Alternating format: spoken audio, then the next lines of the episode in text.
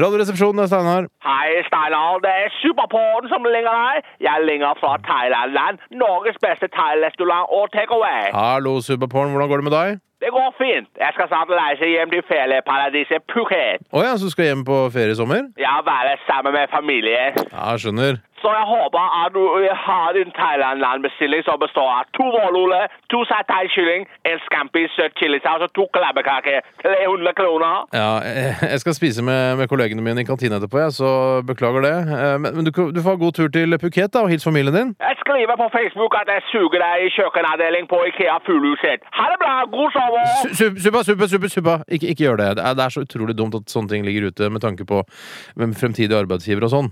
Du kan vel for en gangs skyld si ja takk til thaimat når jeg er lenger. Hvorfor vil du ikke ha det? Jeg vet du liker thaimat-tjukking. Ja, altså, jeg syns det blir litt tidlig å spise thaimat klokka tolv, da. Og da er, for da er jeg litt på brødskiver og omelett og sånn, jeg. I Thailand spiser vi thaimat til frokost. Det er viktig å få en solid start på dagen før man går ned på havna og suger gamle fiskere før de kaster loss. Ja. Du kan jo prøve vår lunsjspesial, Pad Thai Kong. Stekte nudler med peanøtter og scampi. Ikke sant? Peanøtter spiser jeg når jeg drikker pils på kvelden, jeg. Ikke til lunsj. Jeg skal ikke presse deg, fettfjes, beklager. Ja, det er greit. Du, du får ha god tur til Phuket, og så snakkes vi vel til høsten igjen?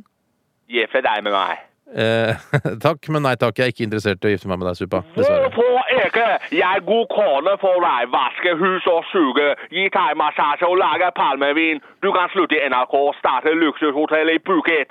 Alle superpornfamilier jobber for deg.